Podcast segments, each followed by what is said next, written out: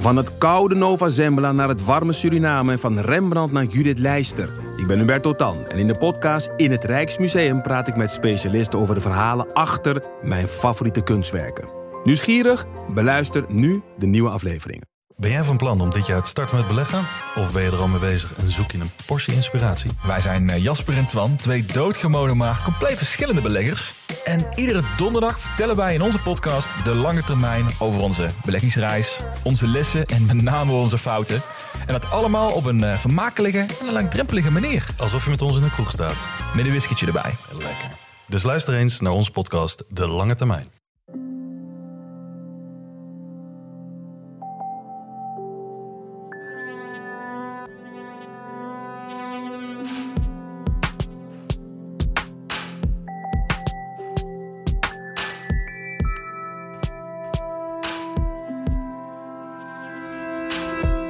Hey, ik ben Pieter van Relaas. In Relaas hoor je waar gebeurde verhalen en die worden verteld door de mensen die ze zelf hebben meegemaakt. Voor we beginnen, we hebben een nieuwe vriend van de show. Haar naam is Jacqueline. Wel Jacqueline, ik wou gewoon eens hallo zeggen en jou bedanken om ons te steunen, want nu moeten we over naar het relaas van deze week. Je kent waarschijnlijk wel het spreekwoord een ezel stoot zich geen twee keer aan dezelfde steen. Dat wordt meestal gebruikt als een of andere ezel zich twee keer aan dezelfde steen heeft gestoten. Je kent dat wel. En dan zijn er ook van die mensen zoals Philippe, die zich blijven stoten aan stenen. Je zou bijna denken dat ze het expres doen. En die er ook graag eens over vertellen tegen Jan en Alleman. Philippe is dus zo'n mens, al heeft hij altijd een goede uitleg.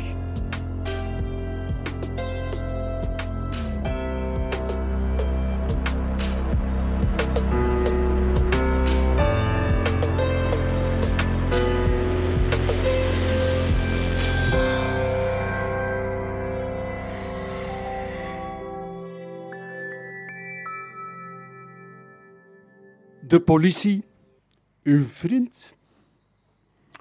Toen ik tiener was, was ik super assertief. Ik zei overal mijn gedacht, vooral op school eigenlijk, tegen die leerkrachten die toen nog ouderwets conservatief, totalitair regime deden. Dat was natuurlijk niet zonder prijs.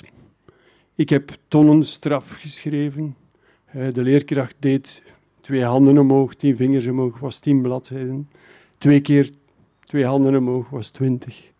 Enzovoort. Ik denk dat mijn record 50 was. 50 bladzijden. Tegen morgen, alstublieft. Maar, je wilt een voorbeeld? Goed. Op een avond sta ik in Sint Leo College, de Elisabeth Zorgstraat, aan de fietspoort een sigaret te roken. Ik was dertien, ja, toen al, sorry. En een van mijn medestudenten trekt aan mijn mouw. Flip, flip, Bill is dat. En ik roep zo luid als ik kan, Bill. Twee dagen strafstudie. De strafstudie, daar kreeg ik een Franse taak. Ik moest onder meer het werkwoord abattre vervoegen. Abattre, dat is neerslaan, uitschakelen, elimineren. Dus ik zit ijverig te schrijven en ik schrijf J'abats le directeur. Tu abats le directeur. En plots, plots zie ik een schaduw over mijn blad en ik kijk achter mij. De directeur stond achter mij. Je gelooft het niet, maar het is echt waar, die keer stond achter mij. Hij grinnikte een beetje. Dat zou je graag doen, hè? Ik zwijg. Die kerel was on- ongelooflijk blij dat ik het einde van het jaar van school verwisseld ben. Ik ook. Maar dan denk je, goh, ja, toen waren de tien jaar, dat heb je toch wel achter u gelaten, zeker als je volwassen geworden bent. Ik heb mijn focus verlegd. Ik heb dan eigenlijk die focus bij de politie en mensen met een uniform gelegd. We schrijven het jaar 85. Ik ga op huwelijksreis met mijn vrouw, Griet. Ze is hier aanwezig, maar je moet niet doen alsof dat ze hier zit. Hè? Gewoon. En we vertrekken richting Turkije. We rijden door Duitsland, Oostenrijk, Joegoslavië. En daar begint het al een beetje. Joegoslavië, dat was toen ter tijd in 85 een autostrade die zo, laten we zeggen, 10% in orde was. Dat wil zeggen, 10% was vier vaks. Hè. Maar al de rest waren kasseien en door dorpjes en godvergeten plaatsen zo. En ja, dat was echt een moordweg. Dat noemde trouwens de Dodeweg in de tijd. Ja. En dus op een bepaald moment rijden wij door een dorp. Hè. Ik draai een, tunnel onder naar links, onder een spoorwegtunnel. Dan weer naar rechts. En ik zie al in de verte weer een tunnel naar links. En mijn vrouw roept, stop! En ik vol een bak remmen en ik kijk voor mij.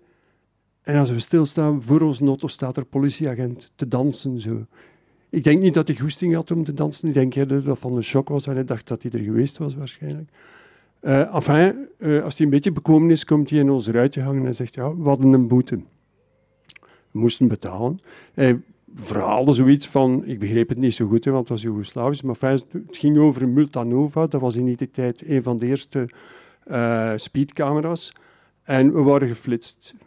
Ik wist niet goed of ik dat verhaal moest geloven. Maar we hebben die boete betaald. Was redelijk van prijs. En ik was vooral gelukkig dat ik die mensen niet overeind gereden had. Want dat zou pas een aantal maanden gevangenis geweest zijn, waarschijnlijk in Joegoslavië. We rijden verder. En een kilometer of 500, 600 verder komen we aan de Bulgaarse grens. Uh, we waren de enige klanten van die douanes op dat moment. We stonden daar alleen. En dus we hadden een heel pakketje douanes voor ons alleen. We stonden daar met een stuk of vijf. En uh, ja, ze komen eronder staan, ze vragen van alles. Uiteraard, Bulgaars was ook niet mijn toptaal. Hè. Frans kon ik al een beetje, abattre, maar hè, Bulgaars, dat ging niet zo goed. En dus wij begrepen dat niet goed. En ja, ze beginnen rond in de auto te lopen, erin te kijken, dashboard, dat kastje open, papieren erin. Die waren echt van alles. En op een bepaald moment is er een van die gasten die naar mij komt en met gebarentaal zo... Hij heeft zijn linkerarm op en wijst eronder. Hè. En wijst dan naar mijn vrouw en zegt zoiets van, ja, ik begreep het niet, maar dan dacht ik, ah, hij bedoelde handtas.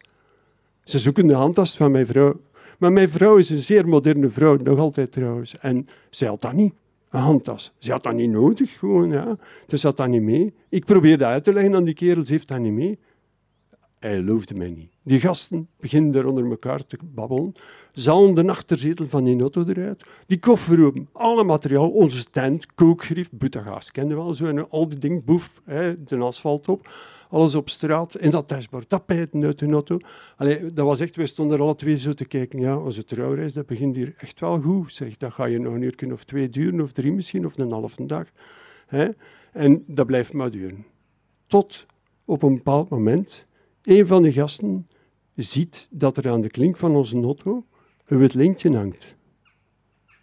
En hij kijkt naar mij en hij zegt, married? En ik kijk naar hem. Ik zeg, married? Just married? En hij zegt, just married.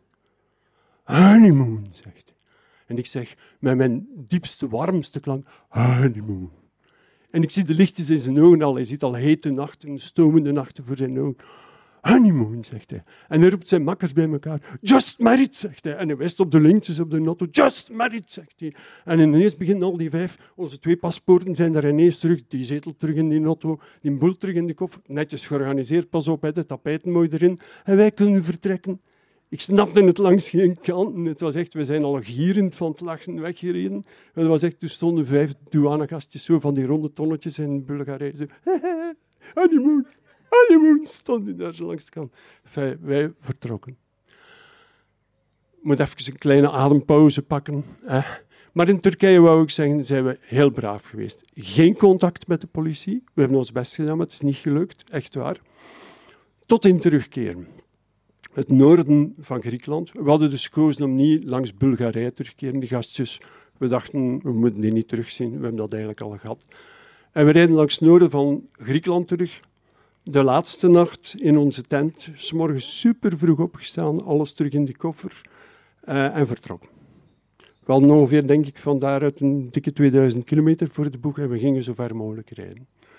Secundaire weg, het eerste dorp, witte streep, volle lijn, je kent dat ongetwijfeld. Ja. En voor mij een auto die naar mijn aanvoelen, persoonlijk, veel, maar veel te traag rijdt. Ik denk zo even, ja, kom on, nog 2000 kilometer, we gaan er voorbij. Ik rij voorbij, over die volle witte streep. Terwijl ik aan het voorbij ben, zie ik aan de andere kant, zo helemaal in de verte, uh, voor mij zie ik een zwaantje komen. Ik zeg tegen mijn vrouw, het dat hij gemogen heeft gisteravond van zijn vrouw.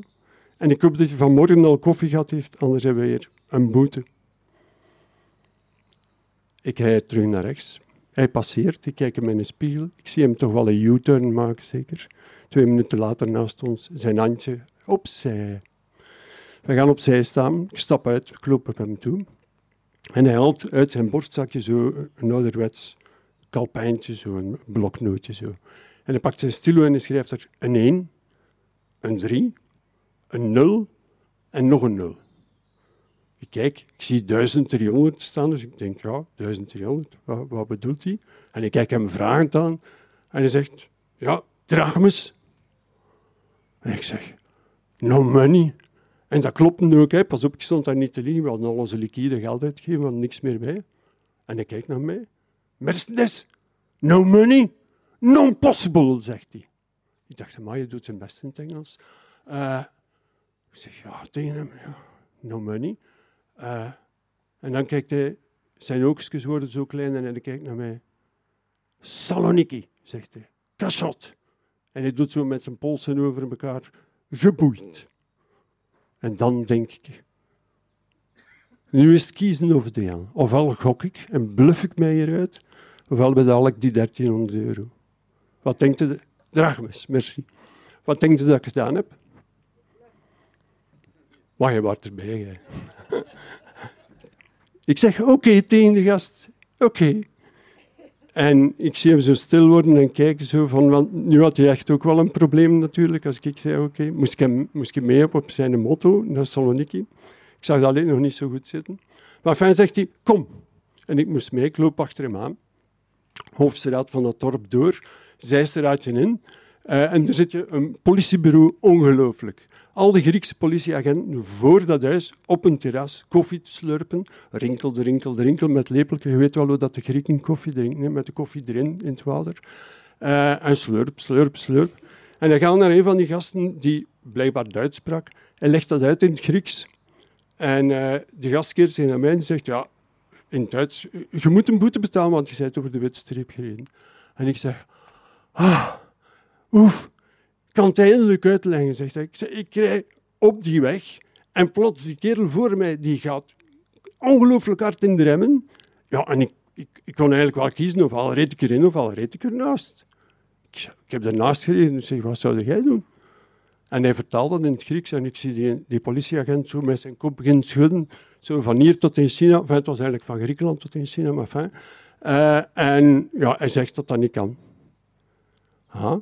Zegt hij hem, je moet hem eens vragen hoe dat hij die remlichten van die auto voor mij heeft kunnen zien, want hij was zeker nog 500 meter voor die auto. Hij vertelt dat weer in het Grieks. En het even, het wordt stil, het wordt nog stiller. En ik sta te wachten. En plots zegt hij, het is oké, je mag gaan. Ik, oef, opgelucht natuurlijk. En, uh, maar, zegt hij, beloof dat je dat nooit meer gaat doen. En ik direct, twee vingers in mijn mond, op mijn communiecirkel. Ik ga dat nooit meer doen. Ja. Uh, en terugstappen naar mijn auto, maar dat zwaantje ging mee. En ik kom achter een hoek in die hoofdstraat terug. Ik zie mijn vrouw zitten in de auto. Zo, en, en? Ja, kon niks zijn. De keer liep nog naast mij zo. Uh, afscheid genomen op een beleefde manier van dat zwaantje in een auto. En vertrokken. Uh, toen ik het vertelde, denk dat ze het moeilijk kon geloven dat het waar was. Maar het is echt waar. Het is zo gebeurd. Moet u nu wat weten? Ongeveer 500 kilometer verder terug in Joegoslavië. Uh, we rijden op een rechte, pijlrechte baan. Zacht hellend, zo, kijk zo, kon heel ver zien. Voor mij een camion. Een eencilinder.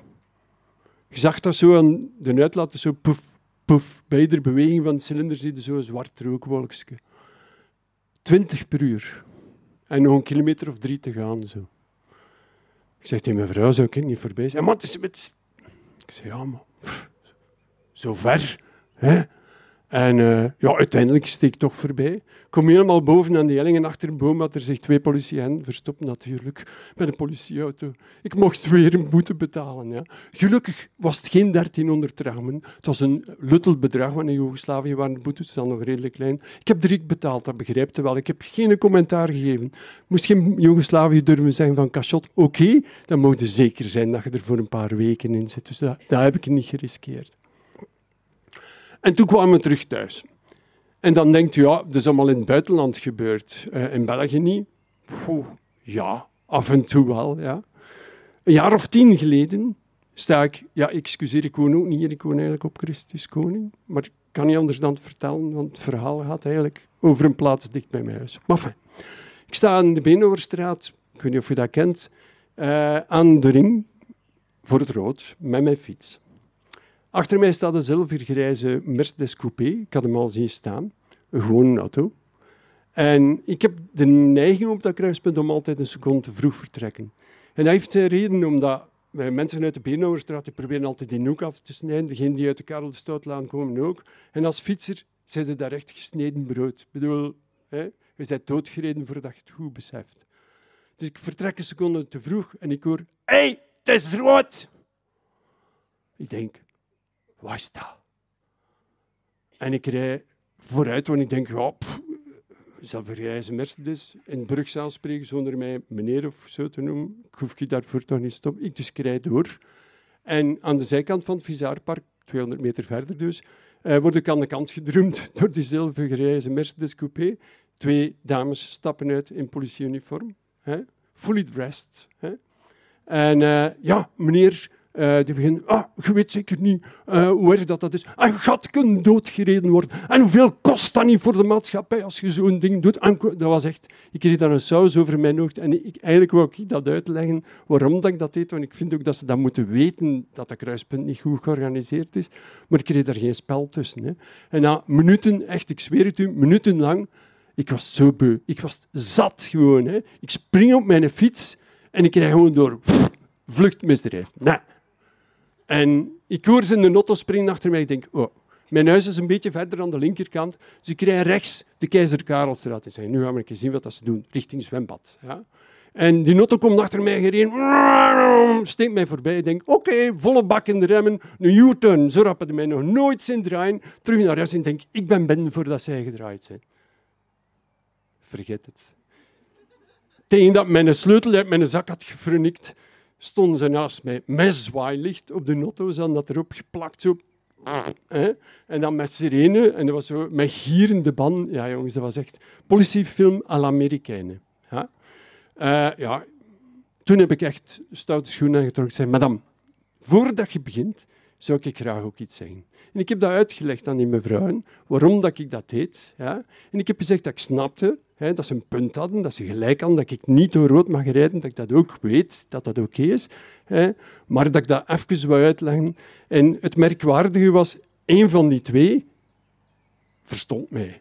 Die ging daarin mee. Hè, en die heeft die andere moeten kalmeren, want die zat nog altijd tegen het plafond. Die, die andere was echt die was, die was kwaad. Ik weet niet waarom. Gefrustreerd waarschijnlijk omwille van andere dingen ook. Maar die stond nog altijd ontploffen voor mijn, voor mijn deur. En dat was niet te doen. En die andere, die een heeft die andere gekalmeerd. Waarvoor heel veel dank aan die mevrouw.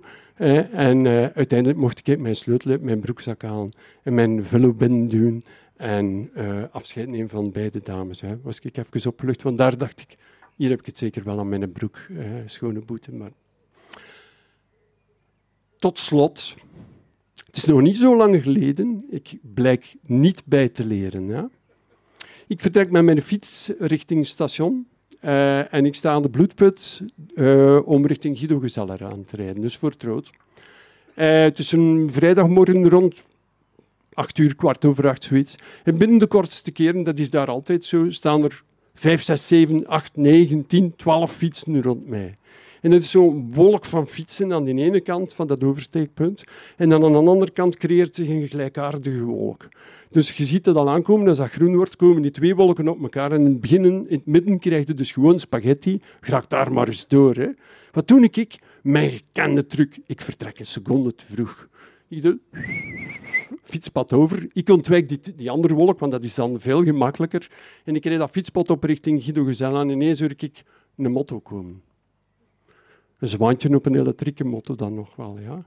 Die drumt mij ook weer aan de kant. Ik had dat al zoveel meegemaakt. En die begint mij de Levieten te lezen. En zo ook weer dezelfde saus. Zo minuten dan een stuk uitleggen. En, en, en hoe oud zei jij? 65. Wat? 65? En nog niet tot de jaren van verstand gekomen. En wat, wat, is uw beroep? Ja, ik ben eigenlijk op pensioen. Op pensioen? Ja, maar wat deed je? Uh, ik, was, leerkracht. Leerkracht! Hoe kan dat nu? Ach, zo moet het goede voorbeeld zijn. Enfin, om een heel lang verhaal iets korter te maken. Op het einde van het gesprek zegt hij tegen mij... En het is stom dat je nog tegen je hebt, dat je dat nooit niet meer doet. En toen dacht ik... Godverdomme, daar heb ik spijt van.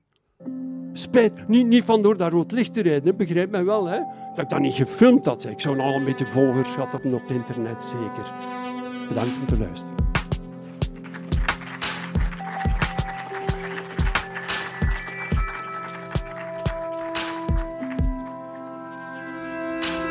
Dat was het relaas van Philippe. Hij heeft het verteld in Brugge.